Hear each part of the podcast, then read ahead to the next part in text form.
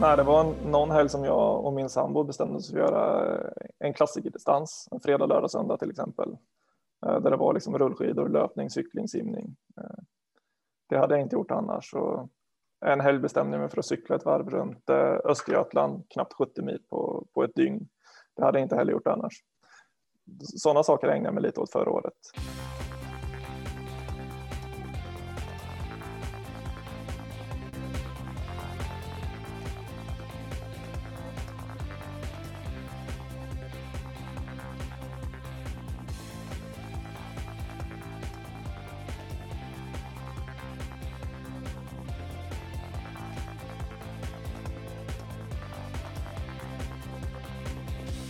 Hallå där allihopa! Varmt välkomna till ett nytt avsnitt av Radio O-ringen Podcast. Det här är nummer 164 i ordningen och jag har pratat mountainbike-orientering några gånger genom Radio O-ringen historien. Men nu är det verkligen dags igen, för jag säger, ja, när vi spelar in det här så säger jag god morgon faktiskt. Marcus Jansson, hallå där Marcus! Ja, god morgon. Nybakad Europamästare i mountainbike-orientering. Hur, hur känner du när jag säger så? Eh, jo, det känns bra. Eh, lite konstigt. På vilket sätt lite konstigt? Jag har väl inte riktigt eh, tagit in den. Tror jag inte. Nej. Var det överraskande även för dig att du skulle nå hela vägen upp till pallen? Ja, det var överraskande. Jag har försökt nå, nå pallen eh, några år nu. Så att det, att, det skulle, att det skulle ske just nu, att det skulle bli ett guld, det hade jag absolut inte väntat mig detta nere i Portugal, alltså den gångna helgen. Vi, vi, ska komma tillbaka till den där resan till ditt EM-guld, tänkte jag Marcus. Men eh, först och främst, Marcus Jansson. Vem är Marcus Jansson? Berätta. Eh, ja, eh, jag är från, från Garphyttan från början, utanför Örebro. Eh, jag har vuxit upp där. Numera är jag bosatt i, i Linköping. Håller på och doktorerar inom maskinteknik på universitetet. Okej, hur länge har du varit i Linköping och pluggat nu? Det tar några år sånt där. Eh, ja, jag började läsa en ingenjörsutbildning då för, började för tio år sedan. Så håller fortfarande på mer eller mindre pluggar. Och det här har du liksom haft hela tiden då vid sidan av eh, din elitsatsning då på mountainbike-orienteringen? Mm. Ja, det har jag haft. Jag tycker det funkar ganska bra att plugga och idrotta samtidigt. När ser du liksom slutet på utbildningen och den här doktorsavhandlingen nu och sen ett jobb också på riktigt liksom? Eh, ja, det är väl inom ett par år så ska jag vara klar, klar med den. Mm. Spännande. Du, mountainbike-orienteringen, hur hittade du dit, Marcus, till den här grenen av Svenska orienteringsförbundet och även det internationella orienteringsförbundet? Ja, det var väl när, egentligen när det var ganska nytt eh, i Sverige. Eh, så följde jag med min, min pappa, han skulle köra SM Eh, Eh, det var nio år sedan nu. Jag tror det var andra gången det arrangerades ett SM eh, i Sverige. Då var jag fortfarande junior. Och det gick bra och så fick jag köra, köra junior-VM då samma, samma år. Eh, så, så efter det har jag fortsatt. Kommer du och de flesta som håller på med mountainbike-orienteringen från fotorientering eller skidorientering skulle du säga? Ja, jag sprang mycket orientering som, som ungdom och junior. Så det, det är där jag har min bakgrund och, och fortfarande så är det så i, eh, i Sverige att de, de flesta kommer från, från orienteringssidan och många håller på både springer och cyklar eh, samtidigt. Även internationellt så, så tror jag att de flesta kommer från, från den, ska man kalla det, traditionella orienteringen. Mm. Är det en fördel skulle du säga? Jag menar, mountainbike-cyklingen i sig är ju väldigt stor. Det är väldigt många som cyklar mountainbike liksom på leder och annat. Det är fantastiskt här uppe i Kilsbergen. Jag sitter i Örebro själv eh, och cyklar mountainbike. Men det här med orienteringen, är den så pass viktig att man har med sig in i den här idrotten skulle du säga? Jag tror att man har en, en stor fördel att ha, ha de grundkunskaperna från början och, och vara bra orienterade. Eh, och att det är kanske är lättare att lära sig den eh, rena konditionscyklingsdelen senare då. Eh, sen har man såklart en fördel om man har cyklat, cyklat länge också, bekvämt på en cykel sen från, från de unga åren. Mm. Men, men jag tror att man har en stor fördel av att ha, ha en orienteringsbakgrund. Men vad är utmaning skulle du säga? Eller rättare sagt, vad, vad är den största skillnaden fotorientering, mountainbike-orientering skulle du säga, Marcus? Alltså man kan väl jämföra det med, med sprintorientering ganska väl och skidorientering. Så själva orienteringsmomentet är ju egentligen inte svårt. Eh, vem som helst som kan någorlunda läsa en karta skulle ju hitta runt. Men det är just det här att, eh, att välja rätt vägval och göra det snabbt och inte göra några misstag. Mm. Och den stora skillnaden är väl att eh, det går ju snabbare att cykla än vad det gör att både åka skidor och, och springa normalt sett kanske snitthastigheten ligger någonstans mellan 20 och 30 km i timmen på en hel orienteringsbana, vilket innebär att när det går som snabbast går det betydligt snabbare än så. Och då hinna och läsa kartan eh, på ojämnt underlag och ta rätt beslut. Det är där den stora utmaningen ligger. Ja, för farten är verkligen en faktor i den här idrotten. Ja, den blir betydligt större faktor än inom de andra grenarna. Mm. Eh, annars om man jämför fotorientering och mountainbikeorientering eh, disciplinmässigt så är det ungefär samma upplägg eh, för er inom mountainbikeorienteringen, va Marcus? Jag menar med långdistans och de här bitarna. Ja, vid kortaste distansen, vi körde ju sprint, eh, då har vi en tävlingstid någonstans 20-25 minuter och sen eh, upp till långdistans då där vi håller på nästan två timmar. Så det, det är ganska likt, något längre tävlingstider men ingen, ingen större skillnad. Mm. Du, eh, du själv då, om vi backar tillbaka till dig Marcus och din elitsatsning här. Hur, hur fungerar det för dig? Jag menar, idrotten är ju inte jättestor och växer inte som jag verkligen hade trott då för som du säger om 8-9 år sedan när det liksom började komma SM och den här biten, att det här kommer bli stort. Men det vill sig inte växa till sig riktigt. Eh, vad beror det här på tror du Marcus? Eh, det vet jag faktiskt inte, men eh, nej, i början så växte det ganska stort och det känns som att eh, just ihop med O-ringen och så skapade ett ganska stort allmänt intresse Eh, hos orienterarna, men det kanske pikade någonstans där runt eh, O-ringen i Skåne eller Sälen eller sånt sett till antalet deltagare. Sen, sen har det gått ner lite igen. Eh, riktigt vad det beror på, det, det, vet jag inte, men jag hoppas väl att det, att det är på uppgång nu igen. Mm. Men hur, hur, påverkar det här dig så att säga och din elitsatsning? Jag menar, ni är inte jättemånga som satsar väldigt, väldigt hårt på den här idrotten i Sverige. Nej, det är det inte och det, det märks ju på tävlingarna. Eh, just nu tycker jag det är väldigt bra att vi är, är många som håller, håller en hög nivå. Eh, det blir utvecklande för min del också att ha, ha bra motstånd på tävlingarna. Men, eh, men vissa säsonger har det varit betydligt sämre. Då kanske det är mindre motiverande att, att tävla mm. När man inte har riktigt samma motstånd. Så på det sättet så påverkar det mig. Mm. Men jag tänker din, din träning eh, mot de, de, stora mästerskapen och så vidare. Hur pass bra hjälp har du? Hur pass ensam är du i din satsning vad gäller träning, de här bitarna skulle du säga? Alltså just där du bor också geografiskt i Linköping liksom. Jag sköter ju den mesta träningen själv. I Linköping har jag tur att det finns eh, väldigt mycket duktiga cyklister. Så jag tävlar, och tränar och tävlar väldigt mycket med, med andra cyklister som, som håller hög nivå. Eh, så den delen får jag väldigt bra sparring i. Det som är svårt är ju att eh, få bra kvalitetspass med orientering. Men områden och kartor finns i närheten, men det gäller också att det kanske är någon som hjälper till och sätter ut och för att få den här kvaliteten. Är det det du menar eller? Ja, precis. Om, det har ju blivit mycket bättre med kartan nu sen, sen O-ringen gick i Norrköping. Då har det tillkommit en del nya områden som jag inte har kört på innan.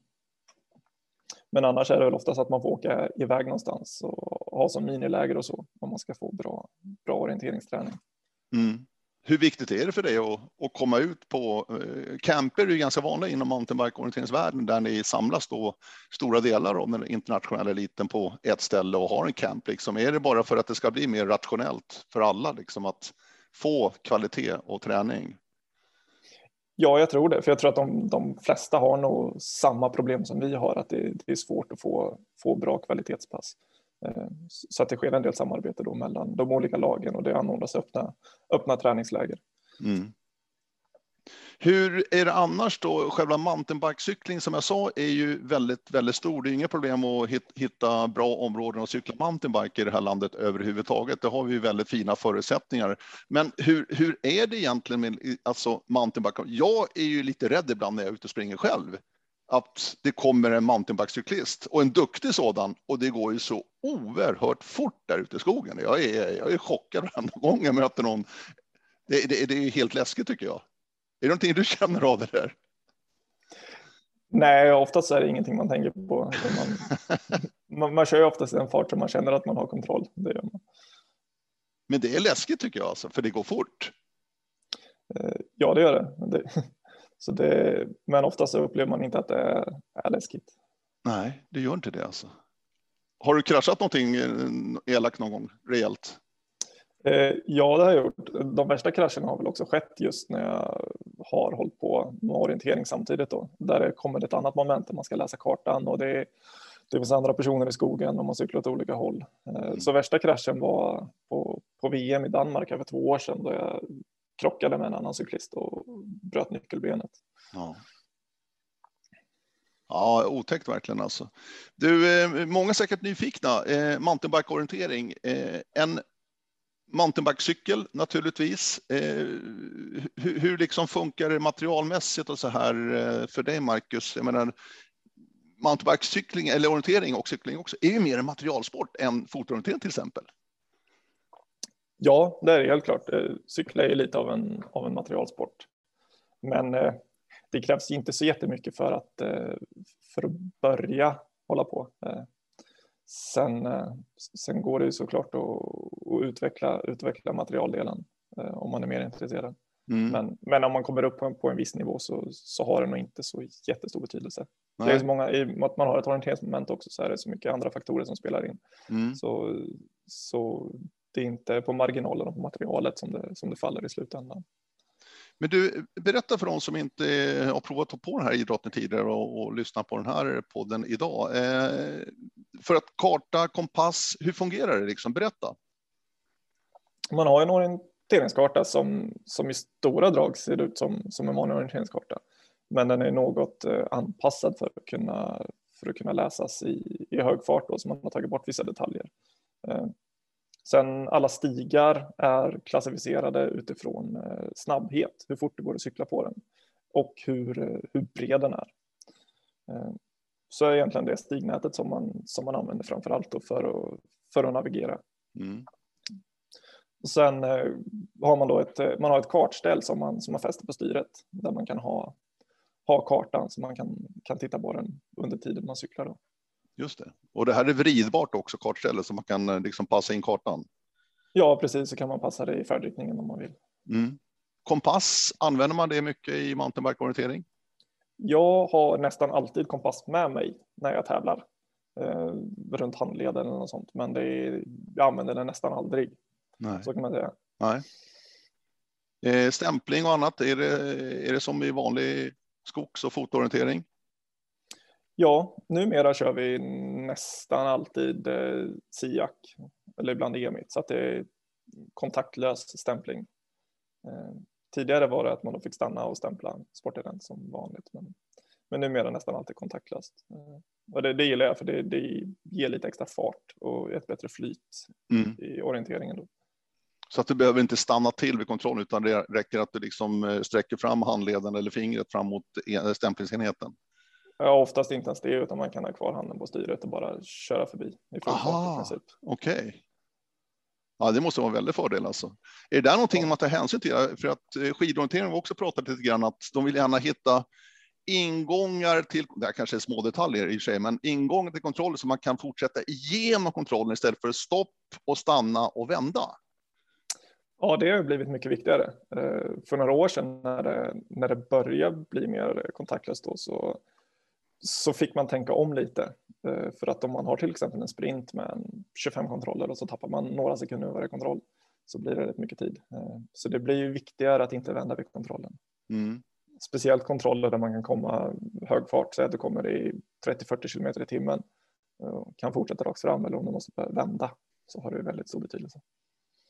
Så det, det har påverkat dig och liksom tänkt lite annorlunda då när det här har kommit, det här systemet med den touchfree eller touchfree eller vanliga SIAC-stämplingen? Ja, det har blivit lite annorlunda tänkt om med vägvalen. Mm. Du, eh, som vi har varit inne på, Sverige är inte jättestort, eh, duktiga, men var hittar vi de stora, starka nationerna i mountainbike-orienteringsvärlden skulle du säga, Marcus? Ja, det är väl Centraleuropa, man ska säga, med Tjeckien och Frankrike har varit stora. Sen har vi en Finland och Ryssland, det är väldigt stora. Det är väl de. Danmark är stora, duktiga i perioder. Och rent åkmässigt då, vad, vad är det roligast att köra mountainbike skulle du säga med din erfarenhet? Ja, det är svårt att säga. Det beror nog mer på, på banan än, mm. än terrängen faktiskt och, och, vad man gör det till.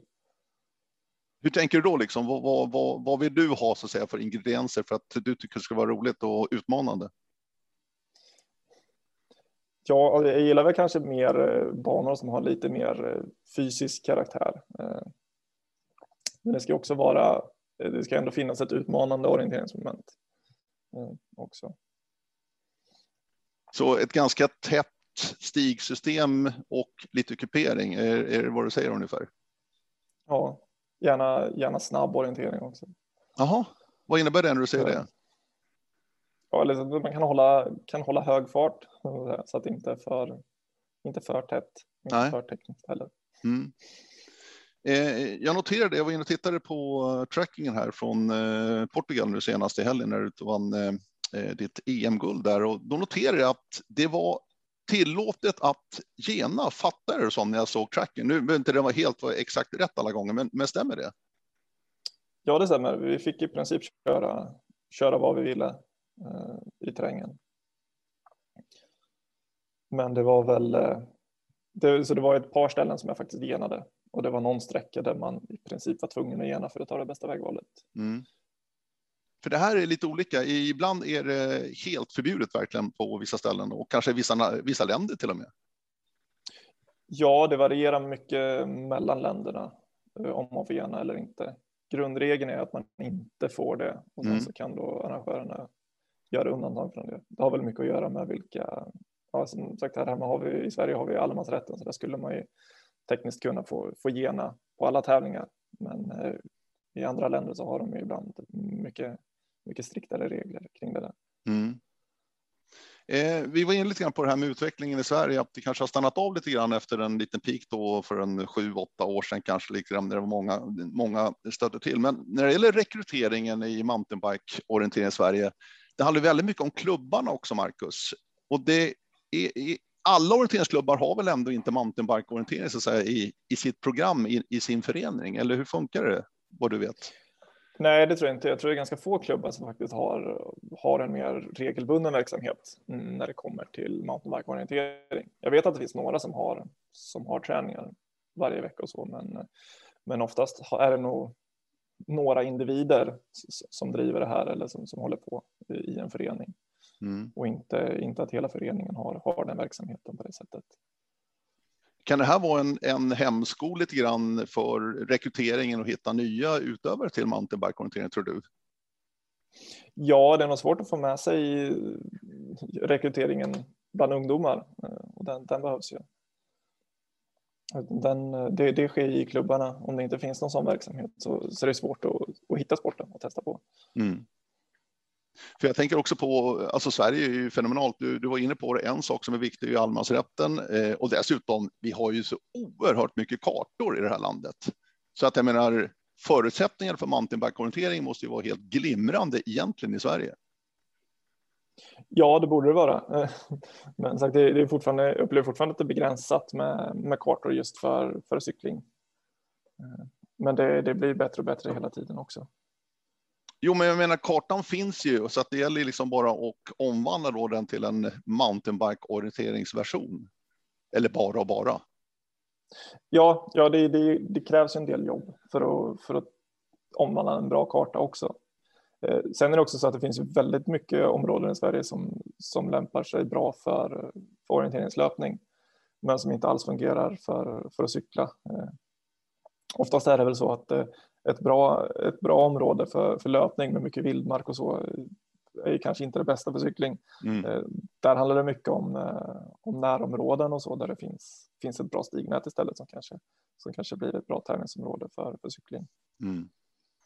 Ja, det, det, är superspännande och vi får se vad som händer i framtiden. O-ringen har ju ändå tagit mountainbike-orienteringen verkligen på allvar. Du var inne på det själv också, att O-ringen har ju varit viktig och är, tror jag också, fortsatt i framtiden viktig för mountainbike-orientering för att det är ändå ett väldigt, väldigt bra fönster för er idrott. Det måste du ändå hålla med om. Ja, jag tror det får många att upptäcka idrotten och, eh, och testa på. Och som sagt, det är är i princip alltid så att det är O-ringen som har, har flest deltagare av en, en MTBO-tävling på året med ganska stor marginal. Mm.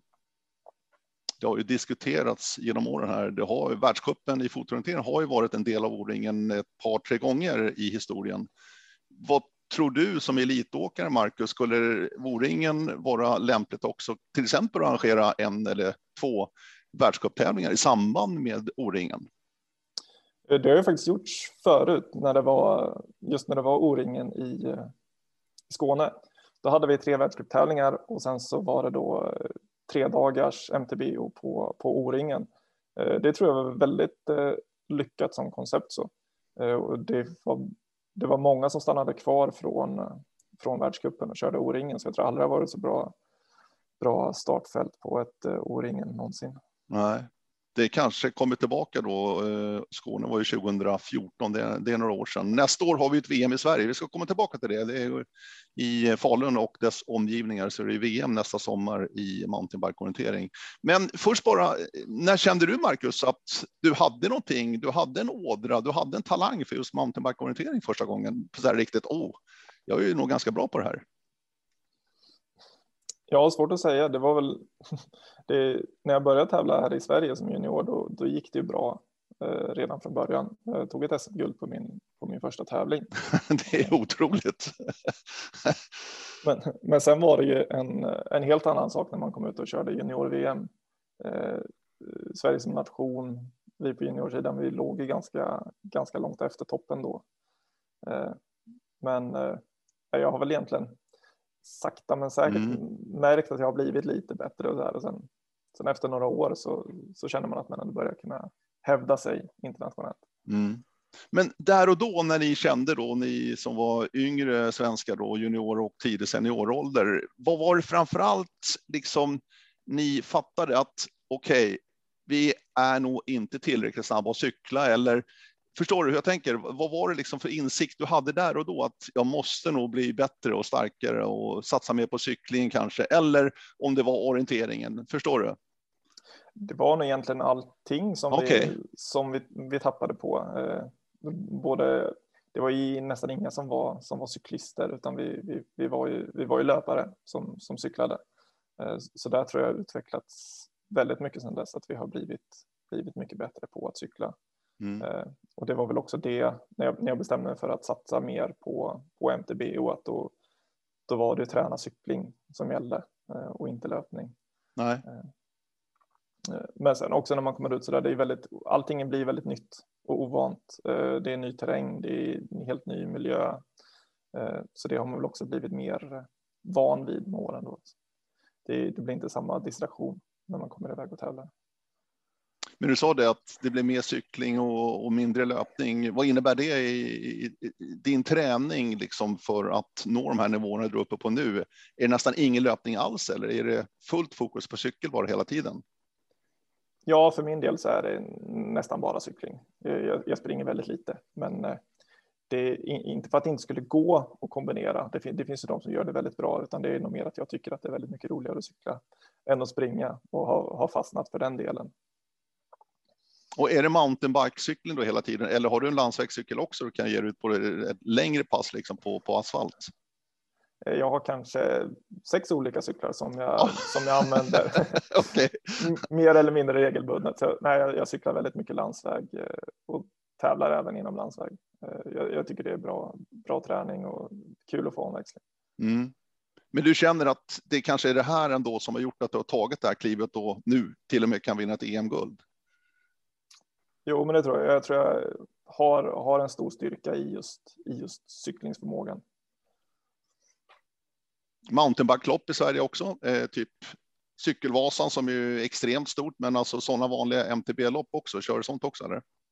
Jo, jag har kört en, en del långlopp tidigare. Eh, det är något som har drabbats väldigt hårt de här två senaste åren. Det har nästan inte arrangerats någonting. Så det har varit lite dåligt med det. Men annars, eh, annars försöker jag köra, köra några lopp så per år. Eh, mm. Tycker det är väldigt kul tävlingsform. Mm. Mm. Du är inne på det intressanta med pandemin och nu har vi ändå släppt restriktioner här i Sverige, börjar återgå lite till det nya normala måste jag själv säga i alla fall personligen känns det så verkligen.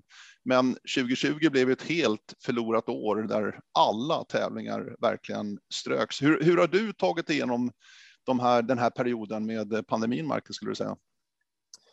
Jag tycker jag har tagit mig igenom det bra. Eh, man har fått försöka hitta lite, lite andra utmaningar och, och sikta på.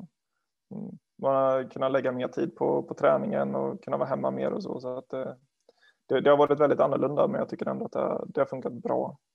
Sen har man såklart saknat tävlandet och det var väldigt kul nu i, i somras när vi kom iväg på, på VM och så att det var när man, när man var på plats då märkte man hur mycket man hade saknat det. Det var väldigt roligt att vara tillbaka. Mm. Men just själva tävlingarna nu 2021 här också, framförallt då i somras med VM i Finland som jag tror du tänker på då i juni där. Där var det ju väldigt, väldigt hårt med just coronarestriktioner, bubbla, tester och allting. Ja, det var det. Det var så allting blev ju mycket mer komplicerat kring tävlingarna. Eh, att vi skulle testa oss hemma, vi skulle testa oss på plats, vi fick inte träffa några och det var mask på hela tiden. Och så, så det, lite av den här gemenskapen som man annars har på ett, ett mästerskap, den, den försvann ju fullständigt. Mm. Men samtidigt så blev det ju mycket mer fokus på själva, själva tävlingen, eh, så man kunde fokusera på det.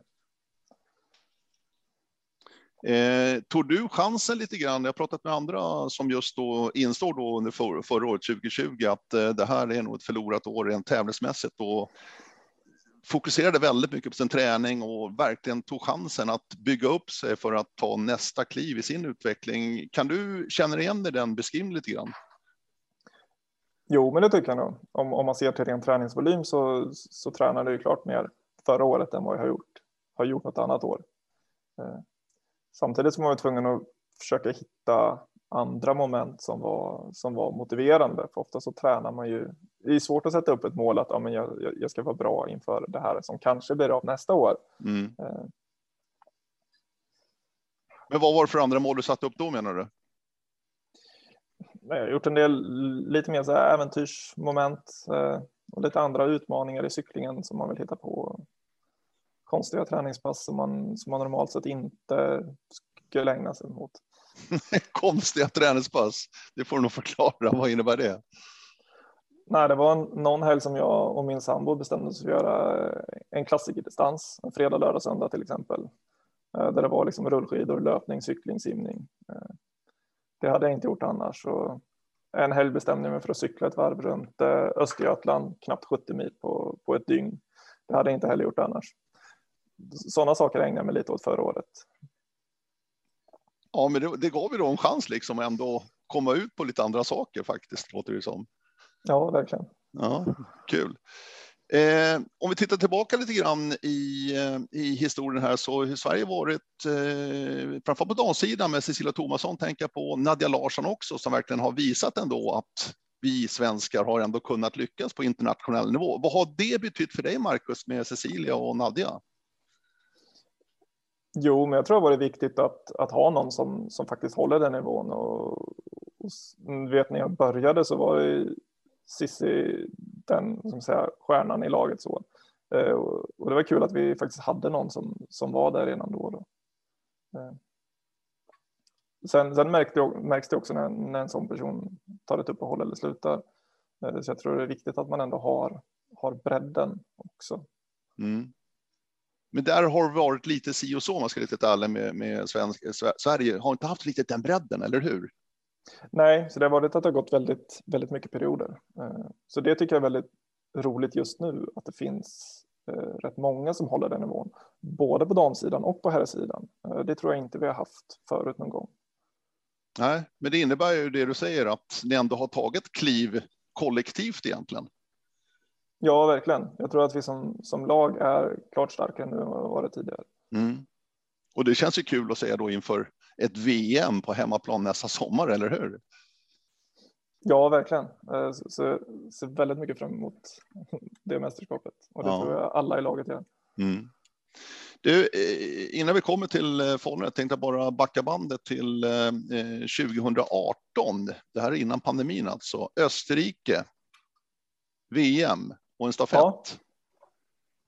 Där Sverige tog silver. Ja. Och var väldigt nära ett guld faktiskt.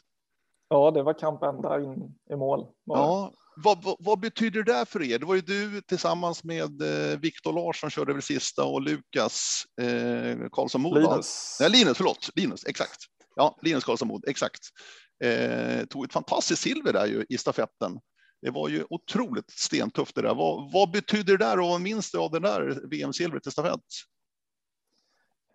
Ja, alltså det, det, betyder väldigt mycket. Eh, det var ju verkligen en skräll att vi, att vi var med där framme och, och faktiskt var det genom hela stafetten. Så det, det, där, där kommer jag minnas länge.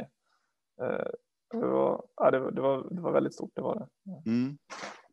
Var det överraskande för er också, ni tre som körde i laget, att ni kunde vara med hela vägen fram till guldfighten verkligen? Jo, det var det. Eh, det, vi visste att vi, alltså att alla egentligen hade en hög kapacitet eh, och i en stafett kan ju allting hända, men nej, det var, det var nog ingenting som någon hade räknat med innan.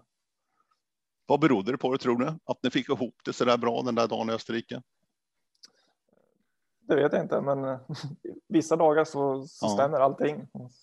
Så går det bra. Mm, mm, verkligen.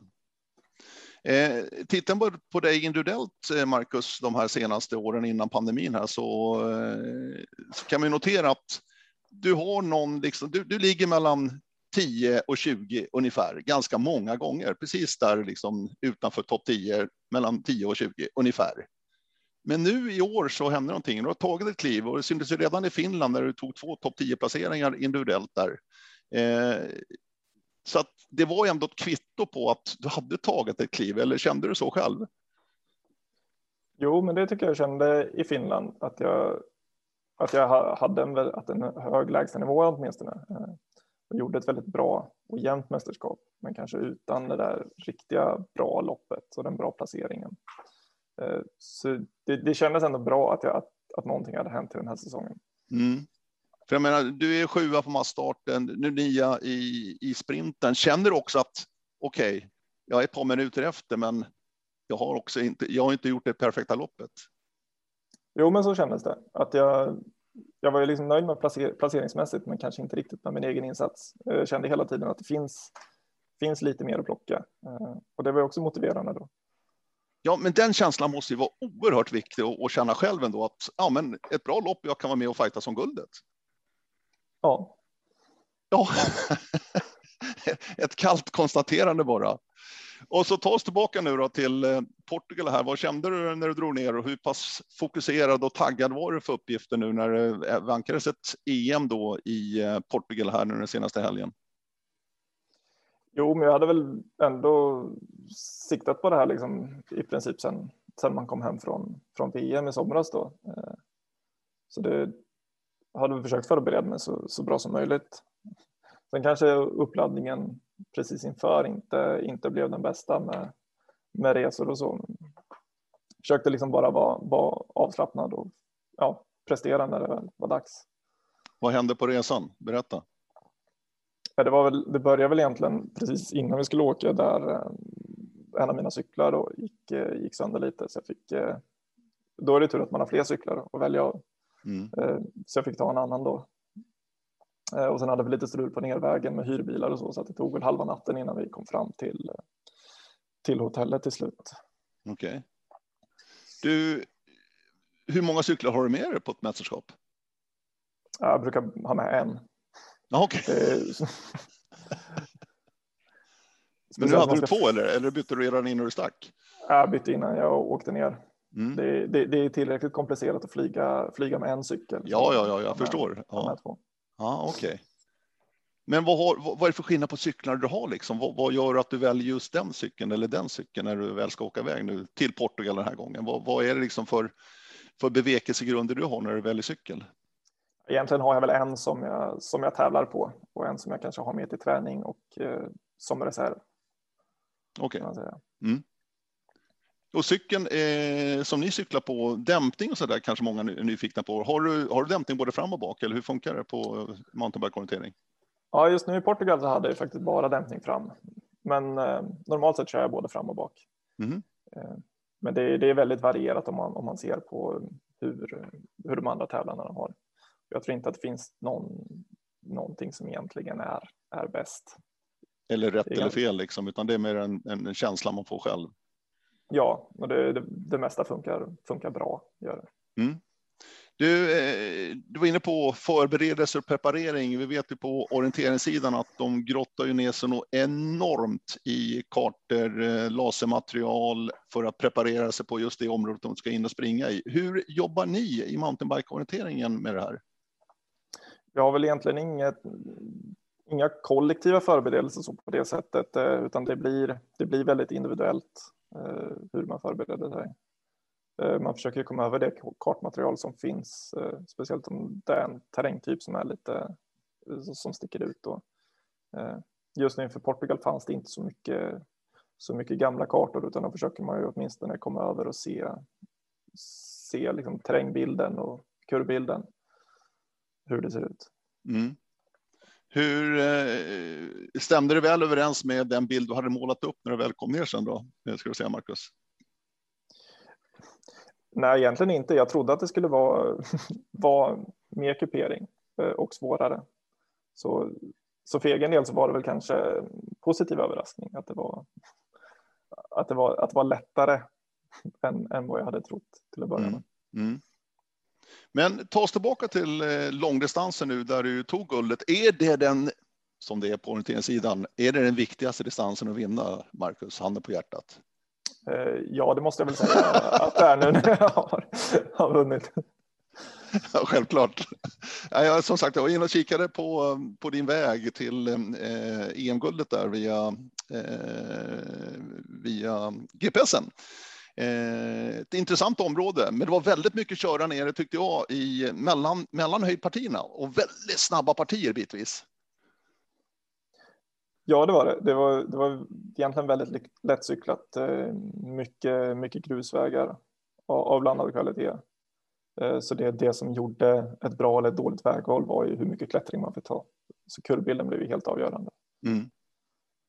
Och det insåg du rätt snabbt för att det var en otroligt enkel inledning verkligen. Ni fick köra på en väg ett par kilometer och hinner läsa in hela, hela banan känner det som. Eh, ja, jag försökte läsa in så, så mycket som möjligt. Eh, på det vägvalet. Jag har väl inte riktigt läst in så mycket i starten som jag hade hoppats, så det var ändå skönt att man hittade, hittade rätt vägval i början och insåg att nu jag, jag kommer hinna läsa ikapp det här senare. Mm.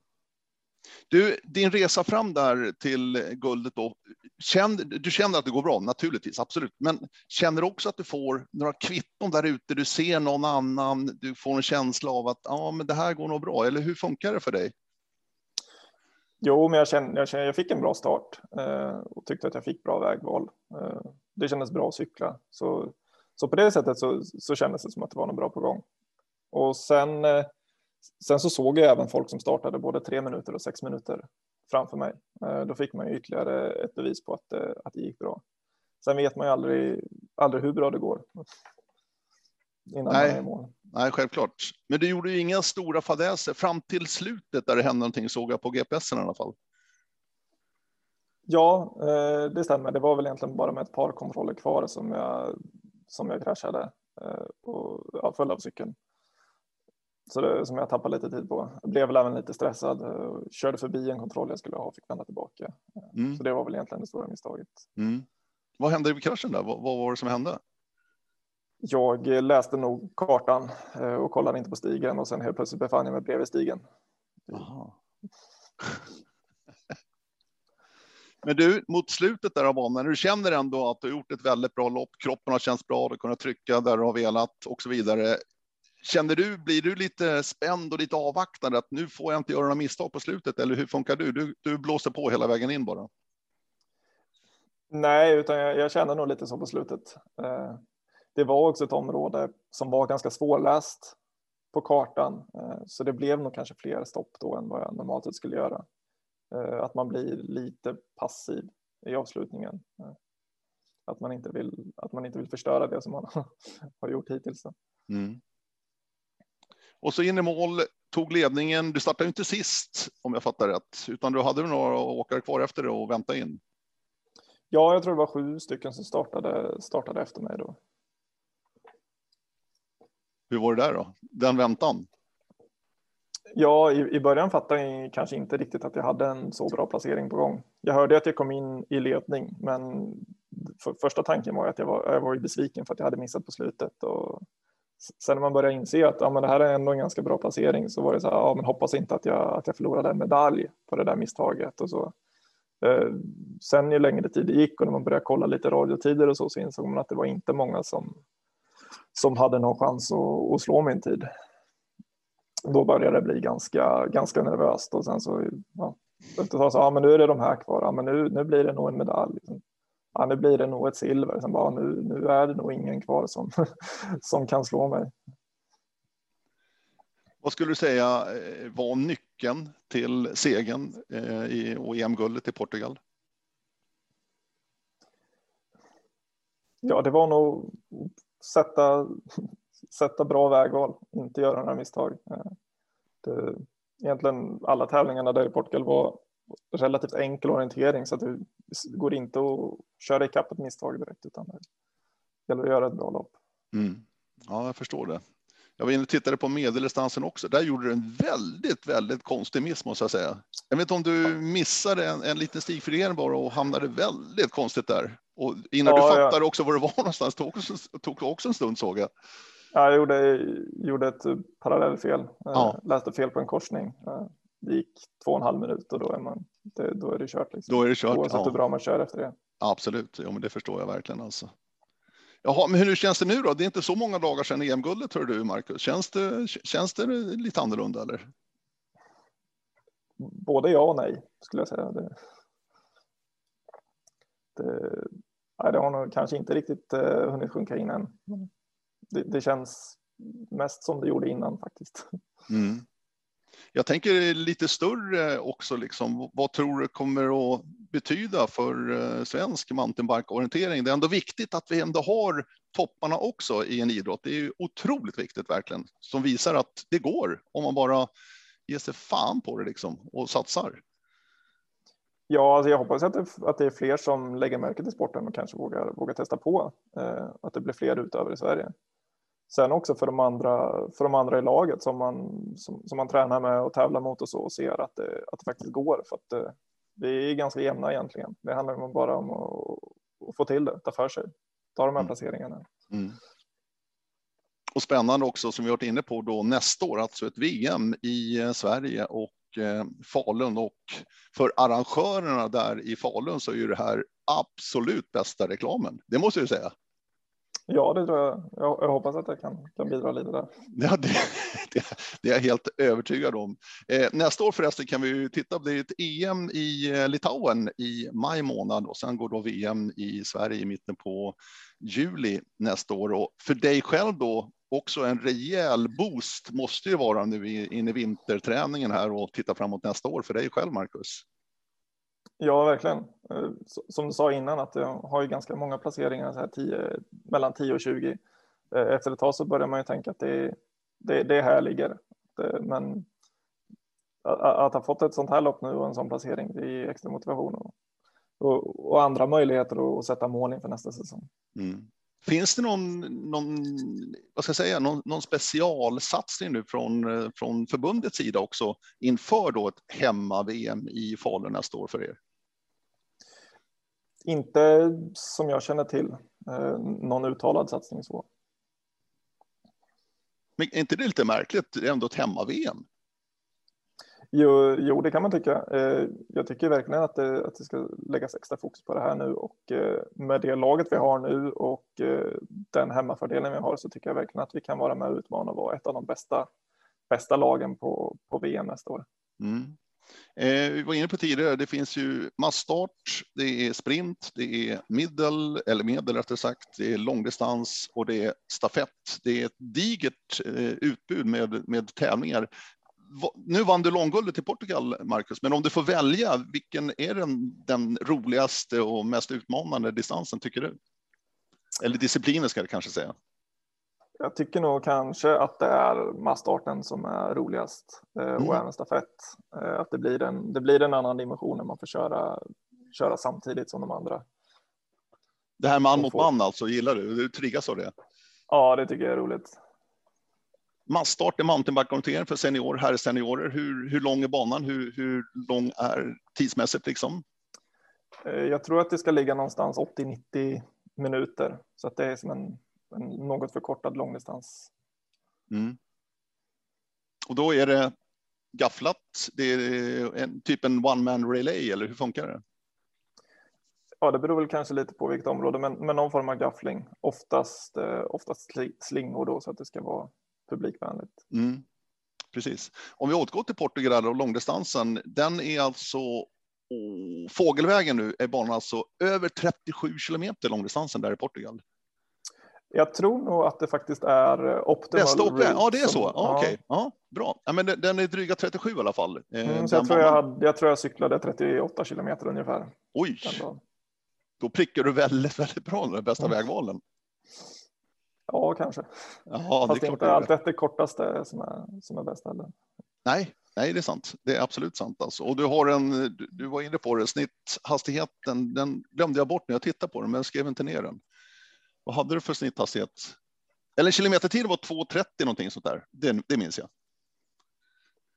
Ja, då blir det väl någonstans 20-25 ja, ja. kilometer i det. Ja, precis. Så att det är ju även ett fysiskt kraftprov verkligen, de här långdistansbanorna. Jo, men det blir det absolut. Hur är det med vätska och annat i mountainbike-konvertering? Har du med en flaska som man har på cykelramen även i mountainbike-konvertering eller? Ja, det har jag. Och som är på en sån här långdistans så har jag med två flaskor på cykeln. Mm. Är det några som kör med någon camelpack liksom och har slang också? Slangar vätska? Eh, jag personligen gör aldrig det, men, men, men det förekommer det också. Mm. Du, eh, återigen, vi backar till Falun igen då, VM nästa år i eh, juli månad där uppe på, ja, Lugnet blir väl en, en, en skådeplats kan jag tänka mig. Jag vet inte riktigt, jag, jag gissar nu bara. Ja, det kommer gå några tävlingar vid, vid Lugnet och sen kommer det även vara eh, ett par tävlingar i Säter. Det kommer vara de två arenorna. Är det någon speciell distans du verkligen tittar in extra på? Du pratade om att du gillar massstarten mest, men du ser upplägget för VM nästa år. Är det något speciellt du fokuserar på? Jag tror nog att eh, långdistansen är nog den som jag bäst förutsättningar för. Och om jag minns rätt så kommer den gå vid, eh, vid Lugnet eh, och det är en terräng som jag tror att vi kan ha, ha en fördel i också. På vilket sätt då menar du? Det är, ganska, kan vara ganska teknisk cykling eh, och den typen av stigar som vi har här i, i Sverige är väl kanske inte så vanligt förekommande när man kommer ner eh, i Europa. Som jag sa tidigare att nu i Portugal så var det ju mer eller mindre grusväg hela tiden. Eh, stafetten, den är alltså var tvåa på VM då i Österrike 2018. Är det någonting också som ni i laget verkligen ser fram emot och verkligen lyckas på en stafett nu på hemmaplan? ja, det, det vore ju väldigt kul att göra en bra stafett. Eh, speciellt när vi är så pass många nu eh, och redan på förhand kan ha ett av de bättre stafettlagen. Mm. Ja, det ska bli väldigt, väldigt kul faktiskt med mountainbike-orienterings-VM då på, i Falun då som centralort i juli nästa år. Nu väntar en vinter, är det några tävlingar kvar för dig eh, Marcus den här säsongen 2021? Nej, det kan jag inte påstå att det är kanske dyker upp något, något litet i, i november, men eh, annars är säsongen helt slut. Mm. Du, vinterträningen, träning, du sa att du sköter det mesta själv. Har du något bollplank vad det gäller tränar och annat eller lägger upp ritningarna och genomförandet helt på egen hand? Jag lägger upp, lägger upp träningen själv. Sen, sen, sen pratar man alltid med, med träningskompisar och så och ser hur andra gör. Men jag har ing, ingen som tränare som hjälper mig med, med upplägget. Men du har en plan inför vintern och en lång grundträningsperiod här nu inför nästa år? Ja, jag har, jag har en, en, en grov plan på ungefär när jag ska göra vilken typ av träning och ungefär hur veckorna ser ut. Mm. Ja, Och mycket cykling. Nu bor du i Linköping i och för sig. Jag tänkte skidåkning också, uppvuxen i Garphyttan och nära Kilsbergen och Onnaboda. Gillar du att åka skidor också? Ja, det är jag. Men det, det, är lite dålig skidåkning här i Linköping. Ja. Alltså det, det, är inte många dagar på ett år som det finns skidspår. Nej. Supertrevligt Marcus Jansson. Eh, än en gång grattis till EM-guldet långdistans mountainbike-orientering och så ser vi fram emot nästa år då ett VM på hemmaplan i eh, Dalarna och Falun då i juli månad. Eh, stort tack Marcus! Mm, tack så mycket! Eh, Radio O-ringen Podcast. Hör gärna av er med kommande drömgäster kanske. Radio oringen.se är adressen. Eh, vi säger tack och hej och på återhörande. Hej då!